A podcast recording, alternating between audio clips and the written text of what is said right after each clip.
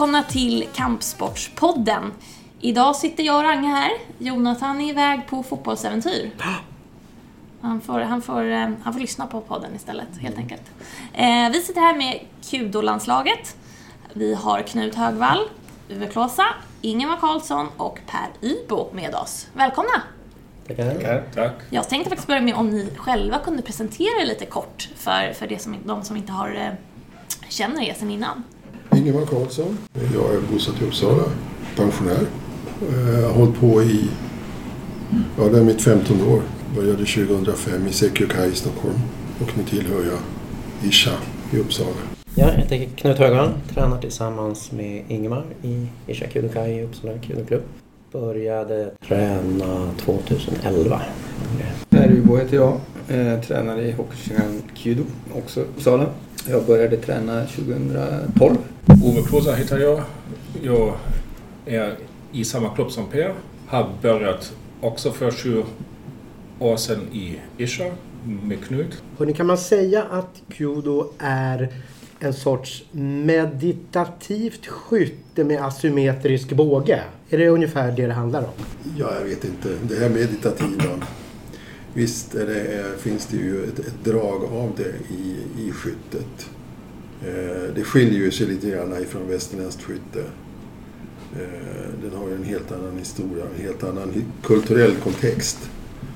Så det, ja, det finns, det finns eh, meditativa inslag i det, ja det gör det. Och det finns väl, det beror lite grann på eh, ska säga, individen också, vilket, vilket fokus man vill ha på, på skyttet. Så man kan välja lite om man vill fokusera på skyttedelen eller vad man ska säga, eller meditativa, även om det alltid kommer finnas lite av bägge i det. Ja, det beror på vad man, vad man definierar som meditativt i det här fallet. Då. Eh, det är ju ett väldigt rituellt skytte.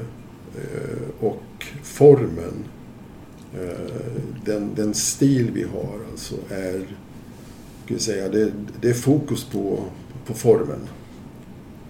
Träff och sådana saker, så att säga, det är, det är ett resultat utav god form. Ett kvitto på att man, att man eh, gör rätt. Så på det viset så, eh, om man skulle ska säga, eh, se på formen som, som meditativ, som den meditativa delen, så ja, visst, då är det den. Visst, vi är inte alls inriktade eh, huvudsakligen på träff. Men bågen den är ju helt annorlunda mot olympiskt bågskytte eller compound. Sånt Ja. som är. Förklara, eh, för den är asymmetrisk va? Den är asymmetrisk den är, och den är mycket längre också. Eh, någonstans mellan 2,20 och 2,40 brukar den vara. Vilket också gör att den är så lång så man kan inte hålla den på mitten utan man håller den en tredjedel från botten. Så den är asymmetrisk i flera ledder, både höjdled och sidled. Vi har ju pilen även på andra sidan bågen jämfört med eh, västerländskt skytte. Också beroende för att vi drar med tummen istället för med fingrarna. Finns det några regler för eh, själva eh, sizen på bågen? Får man... Det styrs ju av eh, skytten själv, hur stor man är. Ju längre person man är, ju längre armar du har, desto längre draglängd får du. Och då måste ju bågen vara längre. Eh, så annars kan bågen skadas helt enkelt. Om du drar för långt så kan man ju knäcka bågen. Så inför ett sånt här mästerskap så är det ingen som behöver, behöver kolla att, att bågen håller rätt mått så att säga. För det, det får man välja själv. Ja, det väljer man själv. Och även dragvikt. Men, men sen finns det ju på internationella tävlingar att de kontrollerar att man inte har några märken på som hjälper med sikte och att pilarna stämmer och så vidare. Så, så man ska, ju ha de bågen så som man har köpt dem, så man ska inte ändra någonting. Man får inte hålla på och finslipa dem lite. Nej. Men så är det ju också i västerländsk bågskytte. Om man skulle ha något märke någonstans då måste man klistra över det. Och, ja. Ah. Ja. Men det är ju som, precis som, som Ragnhild var inne på här, det är ett M- EM som, som närmar sig. Slutet på maj, början på juni. Eh, hur, är det några specifika förberedelser? Gör ni någonting annorlunda i träningen eller har ni tränar ni mer eller finns det någon, har ni mentalt förberett det på något specifikt sätt? Är det något som skiljer sig från den vanliga träningen inför ett, ett mästerskap? Som Ingemar pratade om så finns det bestämda former för skyttet. Och det finns även en bestämd tävlingsform där tempot är lite snabbare. Mm, det finns mm, specificerat när man får resa sig upp och när man ska knocka pilen och så vidare. Och allting är lite uppsnabbat på i så kallade tävlingstempo. Så vi har ju tränat tillsammans för att få in det här tempot i gruppen så att det ska flyta bra. Ja, så att det blir en bra harmoni mellan skyttarna också. Så att, att man får som Knut redan sa, att man får ett bra flöde. Eftersom man måste ju nummer ett skjuta, sen nummer två och sen nummer tre och sen ett igen, två igen. Så man, man får inte blanda, man får inte skjuta samtidigt. Är det så att man kan man få en tillsägelse, alltså om, om man då kommer ur rytmen eller vad man ska säga, eller är det upp till, bedöms det bara i efterhand? Det bedöms inte alls. Okay. Det gör man bara på japanska mästerskapet också där formen går in och inte bara träff. Så. Det enda som kan hända är väl om andra skytten släpper iväg sin pil före första skytten, då är den ogiltig. Oberoende vad den, om den så sitter mitt, mitt i, Ja, så är den ingenting. Den är bortkastad. Mm. Ja. Hur, eh, nu när ni ska åka iväg, finns det vissa, det, det är ett Europamästerskap, är det vissa som är, ehm, vilka ser det som är svåraste konkurrenter? Finns det några, eh, finns det några land som är extra bra om man ska hålla Traditionellt sett så är Tyskland och Frankrike starka nationer. Mycket beroende på att Qdon är relativt stor i de länderna så de har mycket underlag för att plocka ut ett bra landslag. Men med det sagt så gick det inte så bra för Tyskland och Frankrike på senaste VM som var förra året. Där Tyskland faktiskt hamnade allra sist. Mm. Så det är mycket nerver som är inbegriper också. Så. Mm. Om man ser det över hela världen då? Är det Japan som dominerar då fortfarande? Eller? Det blir det ju självklart också. Kuman är enormt mycket större i Japan än i resten av världen. Mm. Eh, Japan brukar man säga det är ungefär 100 20-130 000 utövare. Nästa land i världen som kommer, då har vi då Tyskland på 1200. Oj. Ja, precis. Och sen kommer Frankrike på 600. Och sen är det väldigt få länder som ens närmar sig 100-strecket. Där mm. faktiskt Sverige ligger ganska bra till. Vi har ganska exakt 100 utövare. Mm. Är, det, är det en tillfällighet att det, att det är Uppsala som hör samman med er? Det är det väl det. det är, vilka, fanns, vil, vilka ville vara med? Vilka fanns tillgängliga? Vilka har gjort mm, resultat? Alla vi som sitter där har medaljer med oss från senaste SM. Så att det, det finns väl flera anledningar till det. Men bland annat den biten om man tittar resultatmässigt.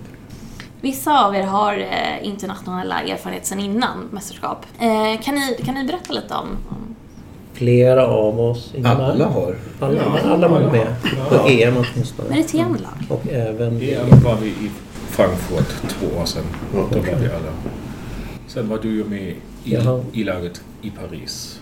Jag har varit med på två VM. Ja. Paris 2014, Tokyo 2018.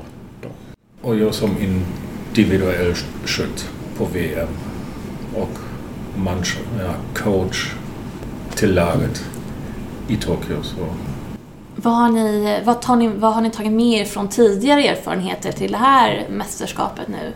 Det är ju mycket erfarenheten av själva tävlingsmomentet som, som ger det. Precis som i alla sporter. Ja, erfarenhet av tävling. Och håll, kunna hålla nerverna i ordning. Så Ja, är lugn. precis. Vilket ju mycket av träningen går ut på också. Att behålla lugnet i pressade situationer. Men det gäller ju alla sporter.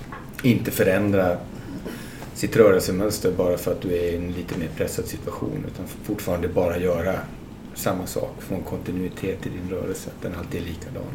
Är den det så... Och du gör rätt och sitter pilen ofelbart. Men då ska du... Det är bara millimeter det handlar om så är pilen helt fel. Och det är ju den svåraste delen av det hela. Att in, även om man är nervös, att man inte ändrar på någonting, att man försöker hålla formen och inte bli snabbare eller någonting sånt. Så, Det måste vara mycket mental styrka i, i just det där att ha den disciplinen. För det vet man ju själv, när man blir lite nervös, man kanske pratar snabbare eller man kanske gör något snabbare. mm, Även om man precis. då har övat in ett visst rörelsemönster, ett visst tempo. Är det, är, det, är det bara att träna, träna, träna som gör att man lyckats behålla det där lugnet i situationen, eller vad tror ni? Det är svårt att säga. Det är nog väldigt individuellt. Ja. Eh, vissa skjuter ju... Jag menar, ibland så kan man skjuta väldigt bra på träning. Och eh, man tycker att man är förberedd och sen kommer man till, till ett skarpt läge. Antingen en tävling eller, eller en gradering. Och så går allting åt skogen. Eh, gamla försyndelser har ju en fantastisk förmåga att sticka upp sina Ja. trynen så att säga när man inte vill det. Ja. Jag skulle nog vilja säga att, att det, vi har varit mera, vi, vi har fokuserat mera på, på förberedelser för det här EMet än vi har gjort tidigare. Vi tränade i och för sig även till det förra EMet som, som jag var med på men, men det har inte alls varit det fokus, var inte alls det fokus som det har varit den här gången. Eller är den här gången. Vad tror du det beror på? Ja, jag tror vi tar det mera på allvar den här gången. Och eh, eh, det kan ju också ha eh, vissa organisatoriska vissa, viss organisatorisk bakgrund också. Eh, Eller också de personer som är med. ja, Så, jo men vi har ju varit med allihopa tidigare i olika lägen. ja. Men jag tror som du säger, det beror också på att kulan har hunnit mogna Ja. under åren. Mm. Tidigare har det varit så här, landslaget, ja det är de som Mm. har lust att åka. Men nu har det, vi har kommit upp och blivit så pass bra, så pass många så att det faktiskt börjar bli konkurrens och intresse om platserna i laget. Jag tänker på det här som, som, som du berättade då att när det är internationella mästerskap så, så blir det ett annat tempo som, som tävlingen sker i. Alltså hur, hur, hur störda blir ni som är vana vid att, att, att liksom hålla på i ett tempo nu när det när man liksom dessutom ska anpassa en, ett helt gäng till ett helt nytt tempo. Ja, det är ju erfarenheten och att känna tryggheten i sitt eget skytte. Just när själva skottet ska gå. Och att inte låta det något snabbare tävlingstempot påverka just när jag drar bågen och när jag ska släppa pilen. Och det tror jag vi har mycket nytta av. Att vi har tränat och graderat ganska högt där, hela gänget. Eh, och kunna liksom hålla isär de två sakerna. Precis. Vi skjuter, ju- egentligen så skjuter vi ju på tid. Vi ska skjuta varsina fyra pilar Eh, i varje omgång. Eh, och eh, jag vet inte om de kommer att, om det kommer att ta, tas tid. Men vi har en tid egentligen att, att gå på. Och eh, vi har ju tränat ihop här nu ett bra tag och eh, försöker få in den här rytmen och hittills har vi ju inte varit i närheten av att att utnyttja hela den tid som står till förfogande. Vi brukar skjuta väldigt mycket snabbare än det. Eh, och trots det så har vi ju inte upplevt oss stressade. Ja, det är ju skönt. Då har ni lite mån. ja, precis. Utan vi har hittat den där rytmen. Eh, och hittat de, de signaler som man får ifrån, ifrån de övriga. Så att man ställer sin egen, sin egen rytm, så att säga. Att man, man kalibrerar den så att säga mot de andra skyttarna. Eh, och vi har ju hittat ett väldigt bra flöde. Mm. Hur kommer det sig att det är ett olika tempo när man tränar och när man har tävling? tidsbrist. Om det är en stor tävling, om du skulle köra eh, Kinsa graderingstempo så skulle tävlingen aldrig ta slut. Okej, så det är av praktiska liksom... Ja, Mm, Okej. I Jag Japan så är det ju tusentals medlemmar, deltagare ibland på tävlingarna. Och det är där de har bestämt reglerna. På ett senaste EM tror jag det var tusen personer. Ja. Som ska alla hinna med att skjuta fyra pilar på en dag. Så Ja, det, är, det måste vara tempo. Ja. Men när man åker till ett internationellt mästerskap i judo, eh, vad, vad, vad, vad händer då? Alltså hur, hur ser organisationen ut? Eh, alltså när man kommer dit, vad, gör man och, och hur, hur, ja, hur ter sig ett mästerskap i den här sporten? Rent praktiskt, Mm. som lag så vill Ja. man liksom känna på lokalen. Gärna provskjuta några gånger. Det skiljer ju alltid belysning, kontrast med måltavlor och så vidare.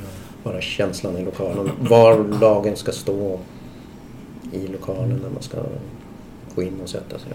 Det var det jag undrar. Finns det några restriktioner så här kring eh, hur många gånger man får vara i tävlingslokalen per lag och sånt där? Det är det jag undrar. Ibland så finns det på själva tävlingsdagen uppsatt att man kan få skjuta två pilar per person säg, som uppvärmning. Eller någonting.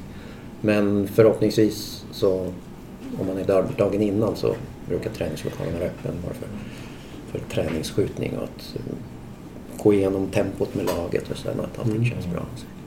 Ha, ha, har, ni, har ni varit i den här lokalen där Europamästerskapen det här året ska gå?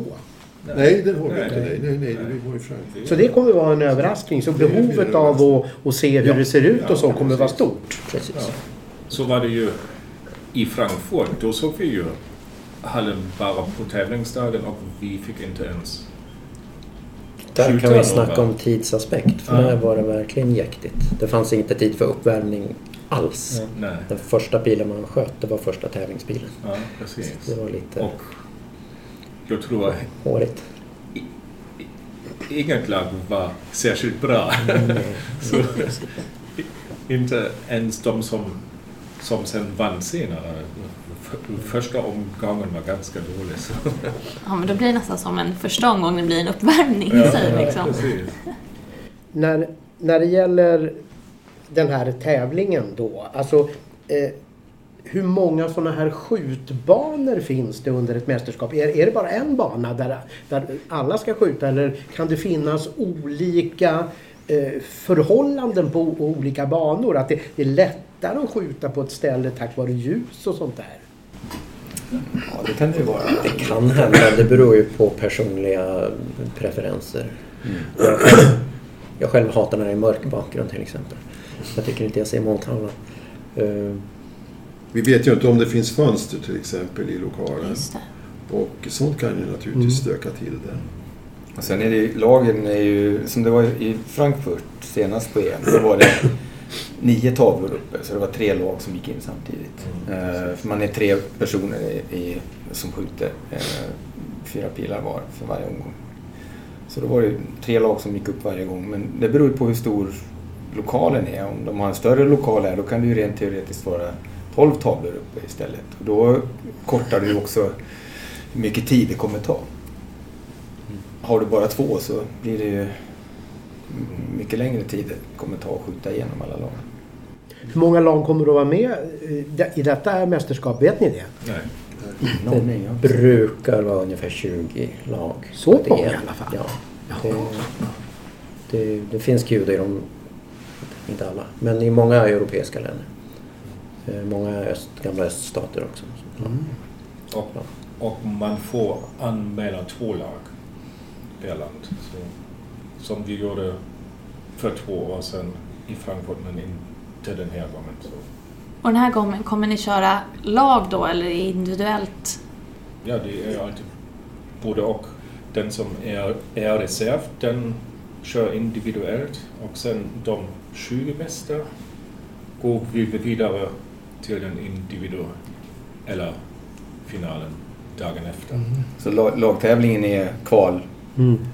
för den individuella tävlingen. Och de, de lag som har eh, en reserv med, man har rätt att byta en skytt en gång när som helst under skyttet. Ja, inte när de är ute och skjuter förstås, men mellan omgångarna.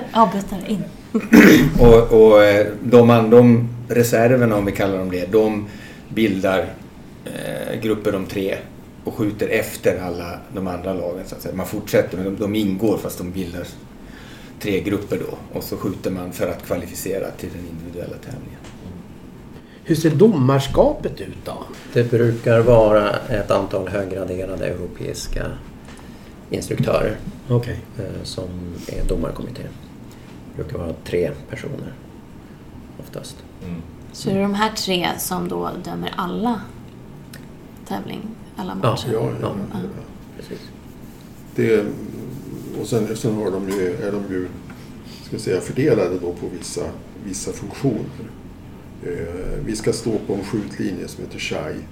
Eh, så att det finns en SHAI-domare som eh, ser till att man inte avviker ifrån den här linjen. Och så är det en, en, en måldomare också.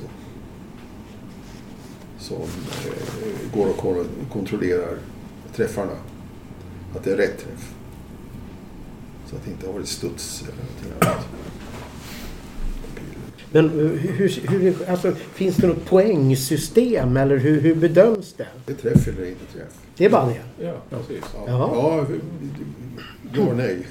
Eh, eh, Är det särskjutning, eh, om det är första särskjutning, då, eh, om två lag kommer på samma, har samma antal träff, då blir det omskjutning eh, och då skjuter varje, varje skytt i, i, i, lagen skjuter varsin pil. Och så räknar man träff igen. Så allt det här som sker före det att pilen släpps iväg är ingenting man mäter sen. Det, man får inga, ingen belöning för, för, för det. Det finns ett stilpris om huvuddomarna tycker att någon har skjutit exceptionellt vackert så Ja. finns det ett stilpris även på EM. Det delades inte ut något förra gången 2017. Nej, precis. Då skällde de på. För att vi hade så dålig form tyckte de. Men nu har ju ni övat in er. Ja, precis. Nej, det, det, de mest tyckte var att det, var, det fanns ingen kontinuitet. Det fanns, någon, det fanns folk som sköt en bra pil och nästa pil så var formen borta. Ja. Och, och det tyckte de ni måste hålla kontinuiteten. Så, Så hur ser det målsättningen ut inför det här eh, mästerskapet? Målsättningen är alltid att vinna. Mm. Ja, jag är högsvansvarig. Knut har ju erfarenhet. Eh, Ni tog, när var det? I, i, var det i Budapest? Det var vi. VM i Paris, ja. Ja, ja, det var mot japanska laget. Ja. ja det var spännande. Tyst, Japanerna hade nämligen på första VM som var i Tokyo så hade de satt, satt eh, ett antal väldigt högrankade och tyck, trodde väl förmodligen att de kunde ta det där rakt upp och ner. Och åkte ju ut i kvalificeringsomgången. Ja. Eh, och det var alltså en chock som vi har förstått i, i Japan eh, för detta. Så att eh, inför nästa VM som var i Paris så hade de satsat väldeliga med eh, ordentlig kvalificering, kvalificeringsuttagningar. Och det lag som hade tagits ut eh, matchades sen eh, ifrån tävling till tävling i Japan för att de skulle få upp, upp eh, tävlingsvana. Och så kom de till Paris och då är det, då är det alltså en sån här utslagstävling. Alltså två, två lag, man, man, man lottar ihop lagen och eh, en utav dem går vidare.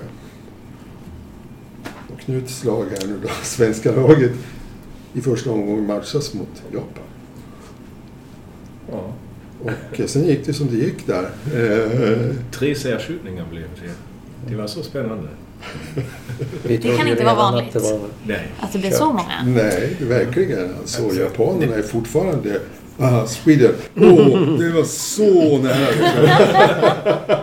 Det, det, var ju, det här var ju eh, kvartsfinalen som... Med, först det var ju en, en grundomgång där man... Där det är antal lag som behövs för att ha kvartsfinaler för att sen bli, bli utslagning. De, och där, i den tror jag att japanerna sköt 12 träff alla... Var det två omgångar ni hade? Jag kommer inte ihåg, men de sköt 12 träff. Så alla var ju som oj oj oj, det här, de var ju hur träffsäkra som helst. Men när de ska skjuta mot, mot eh, Sverige då i, i kvartsfinalen så börjar deras första skytt, han tappar en pil när han, när han ska knocka. Och där tappade hela, där, det märkte ju hela laget och man kunde ju nästan se på, på läktaren hur det gungade i laget. Alltså. Och de började, hade bara en träff på första omgången medan Sverige hade tre träff första pilen då. Och sen när, när det eh, var färdigskjutet då hade japanerna tagit sig samman och svenska laget tyvärr blivit lite nervösa så det slutade oavgjort och sen var det tre särskjutningar. Och det var så Ja. fruktansvärt spännande att sitta Ja. på läktaren. Och det var, jag vet du Knut skrev ju efteråt någonting. Tack för att jag har fått uppleva hur det är att vara fotbollsproffs. för, för Kudo är ju vanligtvis, det är väldigt tyst. Men här var det inte tyst på läktaren och de som väsnade mest, mest av alla och skrek och tjoade, det var japanerna. Varje, varje japansk träff så ropade de sig in i bängen vilket gjorde att till slut gjorde ju vi det också. Alltså det var ju ett himla liv på läktaren. Jag hade tänkt att fråga det just alltså när det gäller ett, ett, ett mästerskap i den här sporten. Eh, alltså, är det, om, I simning är det ju ofta så att merparten av publiken är simmare som inte simmar just då. Eh, hur, hur är det i den här sporten? Är, alltså kommer det eh, en mängd vanliga åskådare eller är det liksom kudofolk som är där? Kul att få. Kul. Det är nog mest eh, de närmast sörjande Ja. och deras familjer möjligen. Ja. Men det brukar vara ganska lugnt i vanliga fall. På själva Eller? träningen, träningarna så är det väldigt lugnt. Men på tävlingar, framförallt i Japan, så är det riktigt liv på läktaren. Mm. Så det finns en klackkultur. Ja, Nästan i alla fall. Det, alltså det är ju, det är ju det är dödstyst i, innan, innan släppet. Det är inte så att folk tjoar och, och, och stimmar innan. Men när träffen kommer, då jublar folk. Mm. Det är inte så att, att det kan hända som... Eh, jag, jag kan ju till exempel så här relatera då till, till, till basketboll. När, när det är eh, heta matcher och någon ska skjuta straffkast. Liksom, så ena delen av publiken skriker till när de ska skjuta för att möjligen förstöra. Nå, något sånt finns inte i det här. Det gör det inte. nej det är väldigt gentlemannamässigt. Det är det. Ja. Det är. Skulle inte bli populärt. Nej men liksom, Man det räcker ju med att, att, det räcker med att, att någon börjar. Ja. Så skulle det kunna... På EM i Frankfurt, då var det ju en som försökte det där Ja. och då sa domaren direkt att, att man ska sluta med det. Ja. Så, så det, det gillades inte. Så det har hänt. Ja, ja. Ja. En person har gjort det. Ja, men Ja, får, ja, mm. De här, de här alltså på de japanska tävlingarna, det- alltså, de skriker alltså, det, det kanske är en eller två sekunder. Mm. Och så precis när träffen kommer liksom, och så tjong, och, och så är det py. Det är som att klippa. Ja. Ja, tvärtyst alltså. När det nu är ni som ska åka på det här, finns, kan det vara så att det finns en och annan här i Sverige som tycker att där skulle nog ha varit jag istället? Eh, Finns det någon sån kultur liksom att, att man tycker att jag skulle vilja platsat i det där laget? Det vet man ju inte vilken personlighet folk har om de tänker hemma på kammaren. Men nu den här gången har vi haft uttagning genom att titta på tävlingsresultaten under det senaste året på senaste SM. Så det är väl helt enkelt så att de som har presterat bäst och har en hög lägstanivå så att säga har blivit uttagna. Så det är svårt att komma med några formella klagomål i år tycker jag. Vi har ju dessutom utmanat Ja. kamraterna att eh, komma och klå oss. Det blev väl inte något resultat utav det vad jag Nej, vet. tyvärr inte. Var det ingen som kom eller? Nej. Vi har inte hört det. Ingen som vågade kanske. Landslaget, är det alltid fyra, fyra personer som är med? Eller är det beroende på... Det är fyra som är liksom formen? Det är Ja, tre det är personer som skjuter. Tre, tre det så här. Och sen får man ha en utbytare om man vill. Mm. Och det har vi nu i år. Och då kommer min fråga här, för den passade väldigt bra in i det här. Ja, ja, vet ni redan nu vilka tre det är som ska skjuta i första matchen och vem det Ja. är som är utbytare? Jag är Per är reserv. Utbytare? Mm. Vad gillar du det då? Det är, det är, inget, det är helt okej. Alltså, det är, det, vi har ju gått utifrån resultaten. Eh, så att min uppgift är ju att vara med och, och, och träna med laget och bygga upp och stötta och även vara det eh, vid, vid tävlingen. Jag trivs bra med det. det är ingen... Du får ju skjuta efter dem då. I, I någon sorts... jag vill inte säga uppsamlingshit, men ja. Ja. för om man pratar kanotspråk så är det ju på något sätt som en sån. Mm. Eh, och alltså är det en för eller nackdel tycker du? När det gäller den individuella tävlingen sen? Nej, det spelar ingen roll. Det gör inte det? Nej, inte, det tycker jag inte. Ja, för hur är ni där? Jag tänkte överlag. Eh, vissa människor är ju så här, jag vill, jag, jag vill göra det på en gång för då är det gjort. Och, och vissa är så här, nej men jag kan vänta och göra den sista. Har ni någon typ av preferens om ni vill att Sverige ska gå ut snabbt i tävlingen eller långt senare eller spelar det ingen roll? Jag tycker om att få det överstökat. Jag har ingen emot att bli lottad lågt nu. Men det är jag. Nej, jag har inga, jag har inga preferenser. Naja, och jag är lika nervös i alla fall. Så. Nej, men det spelar inte så stor roll. Men jag, jag är en sån skytt som påverkas mycket av hur det känns i laget. Så, så jag kan inte bara vara jag själv. Så jag, när jag skjuter då skjuter jag för laget. Så, och om la- laget inte känns bra då skjuter jag också dåligt. Så, så det är nå- någonting som jag måste jobba med. Så, men, ja. Men hur gör ni? Har ni något knep sådär om ni känner så oh, nu börjar jag bli lite nervös? Fokusera på andning. Andningen? ja, Mm, precis. mm. Det, Det är, det är väldigt svårt eh, att stå och tänka på någonting annat när man skjuter. Eh, så att kommer man bara in i, i flödet och, och det gäller så att säga både flödet inom laget och i, i, i, sitt, eget, i sitt eget flöde. Vi, vi gör ju samma sak, alltså the art of repetition. Eh, vi gör ju samma sak hela tiden. Och vi ställer den här rytmen som vi använder och så, den ställer vi med hjälp av andningen. Eh, och att stå då och tänka, att börja tänka på någonting annat i det skedet, alltså, det är nästan, det är nästan omöjligt. Ja. jag, alltså, så många gånger som man, nej den här gången ska jag, nu ska jag verkligen fokusera på att försöka rätta till det här som jag brukar göra.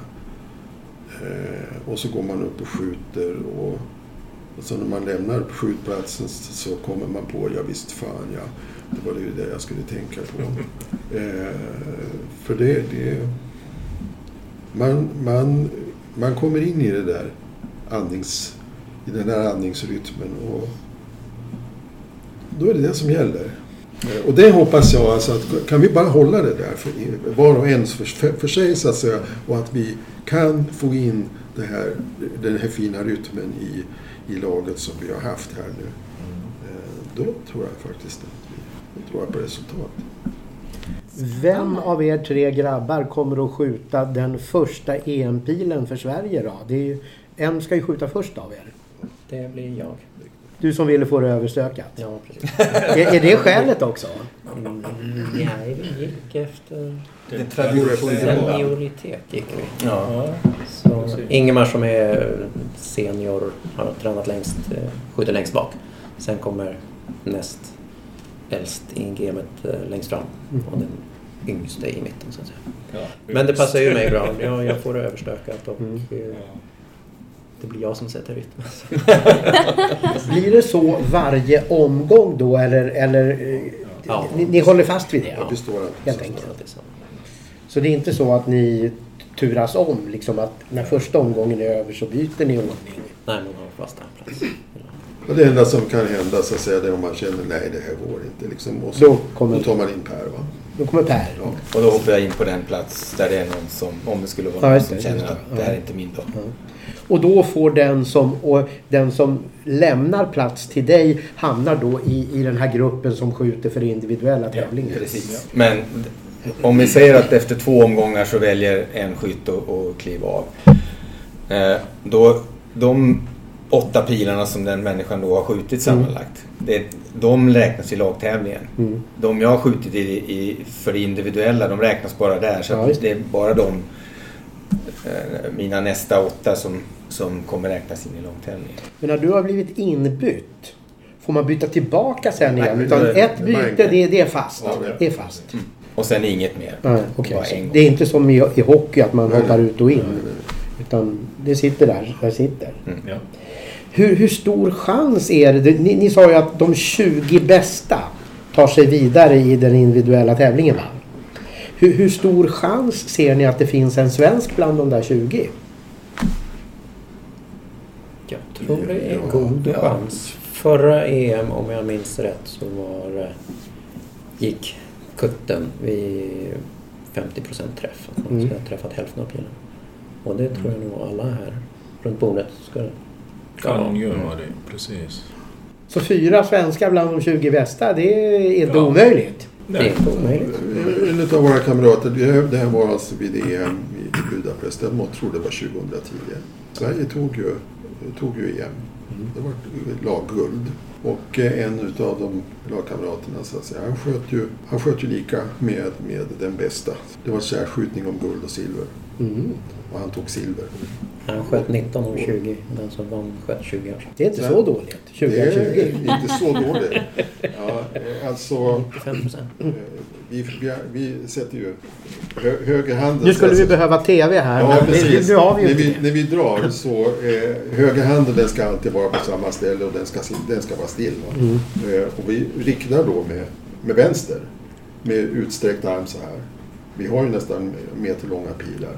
Måltavlan är, har 18 centimeters radie. Det, det, Det är ganska litet. det är ganska litet va? och på 28 meters avstånd så handlar det alltså träff eller inte träff. Eh, pil, pilspetsen måste hålla sig inom en, ja det, det är 6 millimeter eller 6,5 millimeter åt ena eller andra sidan som avgör om det är träff eller inte. En fråga, om den, om den träffar men ramlar ner, är det fortfarande en träff? Eller händer, det kanske inte ens händer? Det händer inte. Nej. Jag undrar då. Eh, när, vänta nu. Man höll med vänster och drog med höger. Eh, när pilen då åker iväg. Eh, alltså kan man, kan man eh, liksom räkna med att den går spikrakt? Eller nej? Hur långt, om man är helt nybörjare, hur långt det tar innan man lär sig att träffa? Vi lär oss ju inte, jag menar vi, vi, vi fokuserar ju inte på att träffa. Det är ju väldigt individuellt. Och att lära sig att träffa med rätt form som är målet också. Men jag skulle säga åtminstone ett år innan det börjar synas på en nybörjare att det är formen som gör att man får en träff då och då eller inte. När vi pratar lite om nybörjare så tänkte jag faktiskt ta några lyssnarfrågor som vi har fått in via vårt Instagram. Gå gärna in och kolla, Bud och kampsport heter vi. Eh, och då har vi fått frågan om det är en dyr sport. Vad svarar ni på den? Ja, Tvingat nej, skratt. det på. Det kan vara hur dyrt som helst. Eh, Men ja, det är dyrt. framförallt om man vill gradera måste man åka utomlands. Så antingen är det seminarier någonstans i, i Europa eller i USA finns det också. Eller, eller man åker till Japan så, så bara det är ju inte så billigt. Så också en bågar och pilar. Ja, Själva träningen i sig kostar ju inte. Vill man börja som nybörjare så brukar alla klubbar ha lånutrustning till Ja, allt som behövs. precis. Bågar, pilar, handskar och så vidare. Det är ju sen när man börjar känna själv att man vill köpa egna pilar och köpa egen båge. Då Ja. kan det ju Då det hur mycket som helst. Är det en prylsport liksom? Det är, Ja, kan man nog säga. det är en prylsport. Det är ju inte en materialsport. Det, det är ju inte som i vanligt bågskytte att man liksom väger sina pilar på tiondels gram och sånt där eftersom det är stilen som räknas. Men det är att man... Det är ju alltid roligt att ha en egen båge och roligt att ha egna pilar. Och så. Vad kostar en båge? Oj.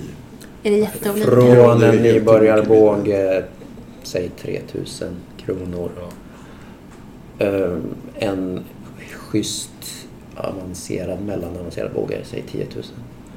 And then the sky's the limit. Ja. Beroende på... Alltså, och, Handgjorda bandbågar. Ja, från en, från en japansk mästertillverkare. Då är det ju fantasisummor. Ja. Hur mycket vinner man på att ha en, en, en sån då? En sån här mästartillverkad båge mot att ha en, en avancerad tävlingsbåge? Kan man säga det? Vi har väl inte någon erfarenhet av oss.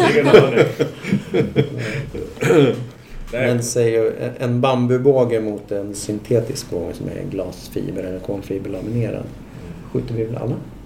Skjuter vi alla bågar? Eh, är ju känslan i själva skyttet. Ja. Det, det är ju skönare att skjuta med naturmaterial. Det, är så, det blir inte så hård rekyl i handen när skottet går och så vidare. Man, man, man kan ju säga, ja, så en gång när jag var i Japan så då sköt jag och jag träffade inte och, så, och då kom det en höggraderad japansk sensei. Han, han tog min båge, tittade på den, sköt två pilar mitt i tavlan. Så, och då sa han det är inte bågen som det är fel på. Så, så, ja. så om man är bra på det då antar jag att det inte spelar så stor roll. Sen är det ju som Knut säger, är det känslan som är... Det, det finns ju bågar som kan vara väldigt lynniga naturligtvis. Ja, ja. Ja, det gäller både bambubågar och syntetiska bågar. Eh, jag kommer ihåg Seikyu Kai hade en, en, en lånebåge, en klubbbåge som ingen sköt med. Den kallades för plankan. Eh, den, ja, han öppnade den halvvägs ungefär. Det gick hyfsat bra. Men sen började det ta emot något alldeles rysligt. Den, den var stum. Eh, så att den var väldigt oskön att skjuta med. Svårt att vinna mästerskap. Jobbigt om man råkar få en sån båge när man köper. Men sen är det ju naturligtvis också mycket beroende på vilken, vilken, vilken teknik man har och eh, vilken, eh, vilken fysik man har. Eh, man ska naturligtvis... Man ska, inte, man ska inte skjuta med för lätt båge men man ska heller inte skjuta med för, för tung båge. Utan man ska avpassa Ja. bågens, eh, bågens styrka till, till sin egen form och styrka. Det är ingen, det är ingen, man får inga machopoäng på det här. Nej. Har du fler frågor? Ja, jag har lite fler frågor här. Ja. Vi har fått in en annan fråga. Eh, som är, är det, är det svårt att bli duktig i sporten? Ja, det Det är, det är väl alltid svårt. Ja, det är ju som i alla sporter. Det är ju vad man själv satsar på det.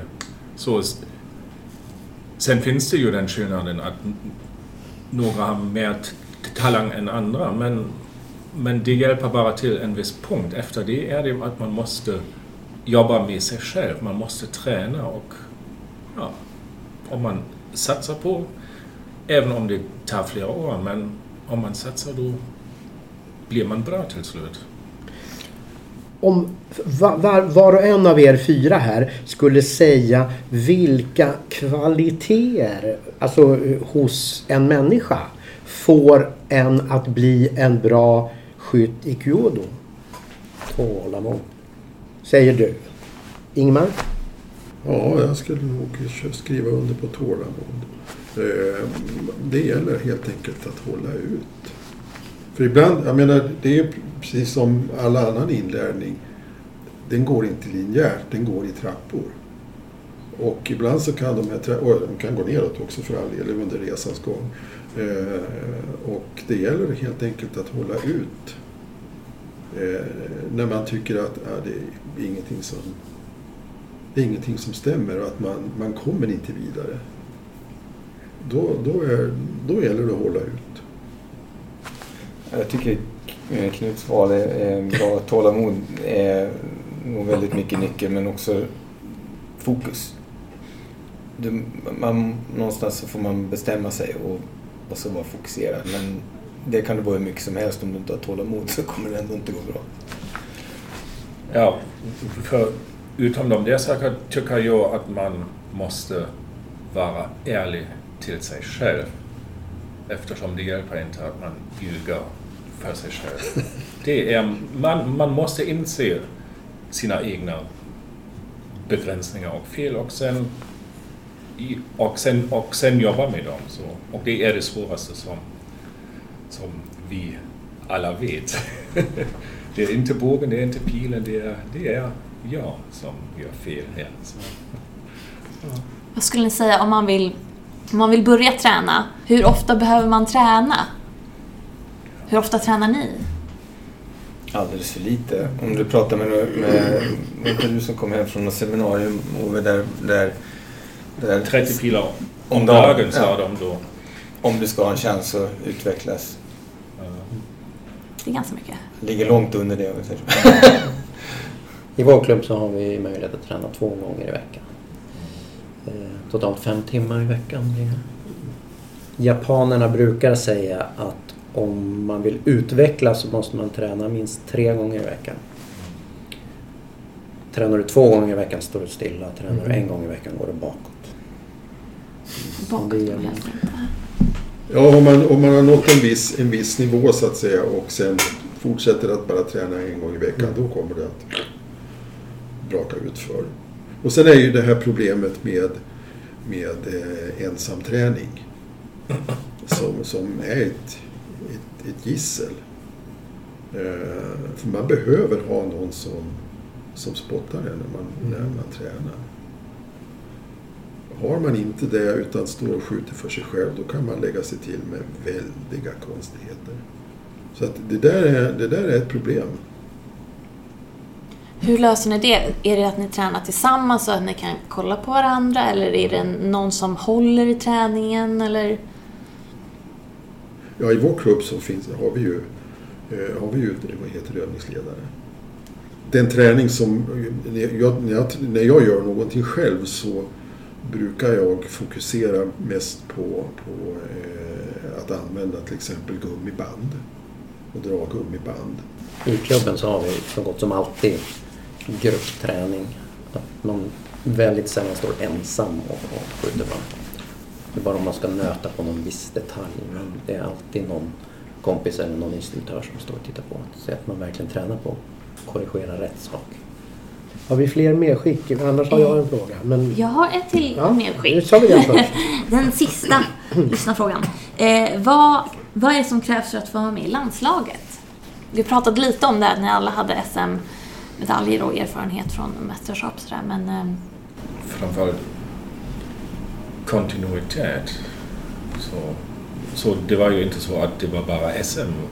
Som vi också nämnde, det var ju svenska cupen så- som är fyra tävlingar varje år. Och, ja, Eh, eh, vi har ju fått klart för oss nu att, att man måste åka iväg för att bli graderad. Hur, hur långt borta i tiden är att man kommer att kunna göra det i Sverige?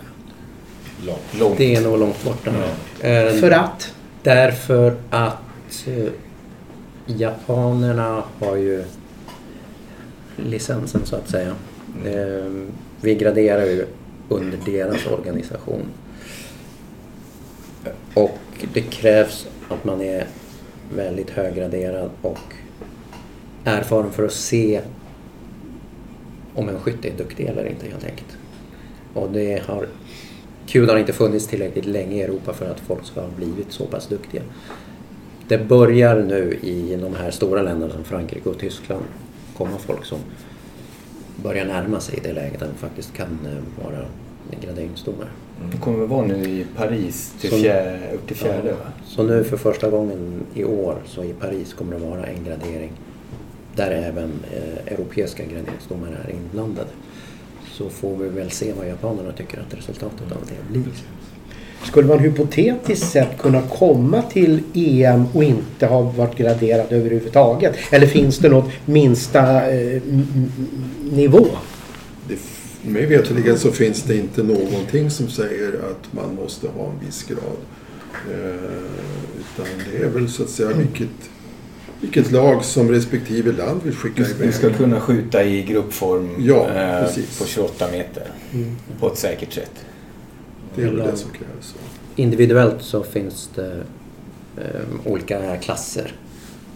Ja. Förra VM var det indelat i tre klasser, den här gången bara två klasser. Upp till femte dan och sen Men i EM har vi ju, där skjuter EM alla mot skjuter alla mot alla, alla. mot alla oberoende av grad. Har, har, har ni fyra samma grad? Nej. Inte? V- Vem av er är högst graderad då? Det är jag. Ingemar? Det är jag. Nestorn? Jag har John Dan, fjärde Dan, sedan Mm. tre år tillbaka. Jag har också fjärde dan, jag har haft det kortare tid än Ingemar. Och jag har tredje dan. Och Ove? Jag har också tredje dag. Ja. hur länge måste man träna för att gå, eller så här från, att- från att gå från trean till fyran, eller vad ska jag säga? det. Tids, tids, alltså, tidsgränsen som finns är ett halvår. Mellan, alltså från, mellan, från första upp till femte va, är det ett halvår. Från, när du har tagit femte så är det, måste det gå minst ett år. Tror jag, om du ska gå upp på sjätte. Sen om det räcker, det är en annan femma. Men det är de begränsningar som, som finns. Så rent teoretiskt, två Jag gånger per år. har ju varit med på tre försök till, till, till London som jag inte klarade för att jag inte sköt bra. Helt enkelt. Så, ja. Men det är bara nästa gång. Bara fortsätta. Precis. Jag tror i Q då är det lite annorlunda inställning eh, till graderingar än i andra budarter. I andra budarter ses, ses det mycket som ett examensprov. Man tränar hemma i sin klubb i x antal år tills man känner sig redo att gå upp och då går man upp och graderar. Och så blir man väldigt besviken om man inte klarar sig. I Q så är det kutym nästan att man försöker en gång varje år åtminstone. Bara för att checka av sin, sitt utvecklingsläge helt enkelt. Del av träningen ja. En viktig del. Så är det Ja, mer, det skulle jag nästan vilja säga, det är mer ett intagningsprov än, Ja. än Ja, Precis. ja, ett, precis. ett, slut, ett slutprov. I Japan har de ju eh, många fler möjligheter. Jag tror att de flesta eh, så här lokala förbunden som de har, att de har åtminstone fyra gånger, alltså var tredje månad så kan du försöka. Så att de har ju betydligt fler möjligheter att försöka än, än vi har också. Ja, och där går ju folk upp i princip var tredje månad om det inte är någonting som händer på graderingen innan som gör att nej, nu det är inte lönt, minst ett halvår. Men, men de går ju upp varenda gång. Som, alltså, det är mera som man gör det. Om du har, inte har något som förhindrar dig att vara där, då går du upp. Det ses som en träningsform i Ja. också att gå upp och pröva och gradera just för att lära sig hantera sin egen nervositet. Precis. Så man brukar till de högre graderna från tredje dan och uppåt få pröva många gånger i Mm. många år innan man lyckas passera målsägaren. En kompis som Per och jag har i Japan försökte fjärde dagen 18 eller 19 gånger. Så. Men sen. Sen satt den. Ja, precis. Du frågade om, om graderingstillfällen i Sverige. Mm. När- Jag menar, vi åker ju på, vi, åker, eh, vi säger så här, eh, graderingar de håller, det, det är ett, ett privilegium för japanerna. De håller i det. Mm. Eh, Så att de skickar ju representanter eh, till de internationella seminarierna för att göra de här graderingarna. Eh, ja, nu har Frankrike fått någon form utav, av tillåtelse att eh, gradera upp till en viss nivå. Jag kommer inte ihåg vilken. Fjärde. Fjärde. Eh, men det är det enda som, det är faktiskt mig veterligen den första, Mm. det första eh, där man har öppnat på det här. Eh, 2007 så var jag på seminarium, mitt första seminarium i Frankfurt. Då gjorde man en, någon form av, vad ska vi säga, test eller eh, då satt, nu, var jag, nu gick jag ju alltså till, på, det var sådan graderingen så jag vet inte hur det var med de övriga. Eh, alltså första dagen. Eh, då satt det alltså två stycken domarpaneler och tittade på skjutningen. En radda med japaner längst fram och bakom så satt Reserverna. så, så, ja, då satt en, en, en europeisk eh, domarkvartett och gjorde samma bedömning. Och jag vet inte om de gjorde någon form av jämförelse så att säga. Man kan helt enkelt slå fast att Japan äger den här sporten. Ja, Ja. det kan man göra. Det är ju inte så vanligt att, att, liksom, att, att en sport ägs av ett land på det här viset. Men en liten öppning nu ändå. Det måste ju ändå vara lite speciellt Att om Frankrike har fått dispens. Ja, precis. Det tyckte jag var ganska spännande liksom. Vad ska hända sen? Ja, Men men, jag, tr- jag tror att det är så att, att man ifrån... Ja, men, det, det är inte kampsport det här vi, från, vi, vi ägnar oss åt, det är budo. Mm. Eh, eh, och det, jag tror att japanerna har varit väldigt eh, rädda för att Kyudon ska han, hamna i samma skikt alltså som karate och judo. Alltså det tas över helt enkelt utav av väst. Som, som inte japanerna har någonting att säga till om så att säga, utan de har släppt de här. Och det tror jag inte kudofolket i Japan är beredda att göra. De håller i det här. Jag har en viss eh, förståelse för det. Så någon revolution är inte att vänta. När det gäller ägandeskapet till sporten. Vi är ju så få. och framförallt... Men de är många. Och de är många. Jag vill, åka till Japan. Så det blir Den, ingen revolution. den personlighetstyp och människorna som fastnar för kul och Ja. kanske inte är så hetlevrande. Inte revolutionära. På det sättet. Det är väl dags för oss att avsluta. Så att jag får tacka så jättemycket att ni tog er tid att komma hit till Kampsportspodden och snacka lite med oss. Och eh, stort lycka till på EM. Tack så mycket.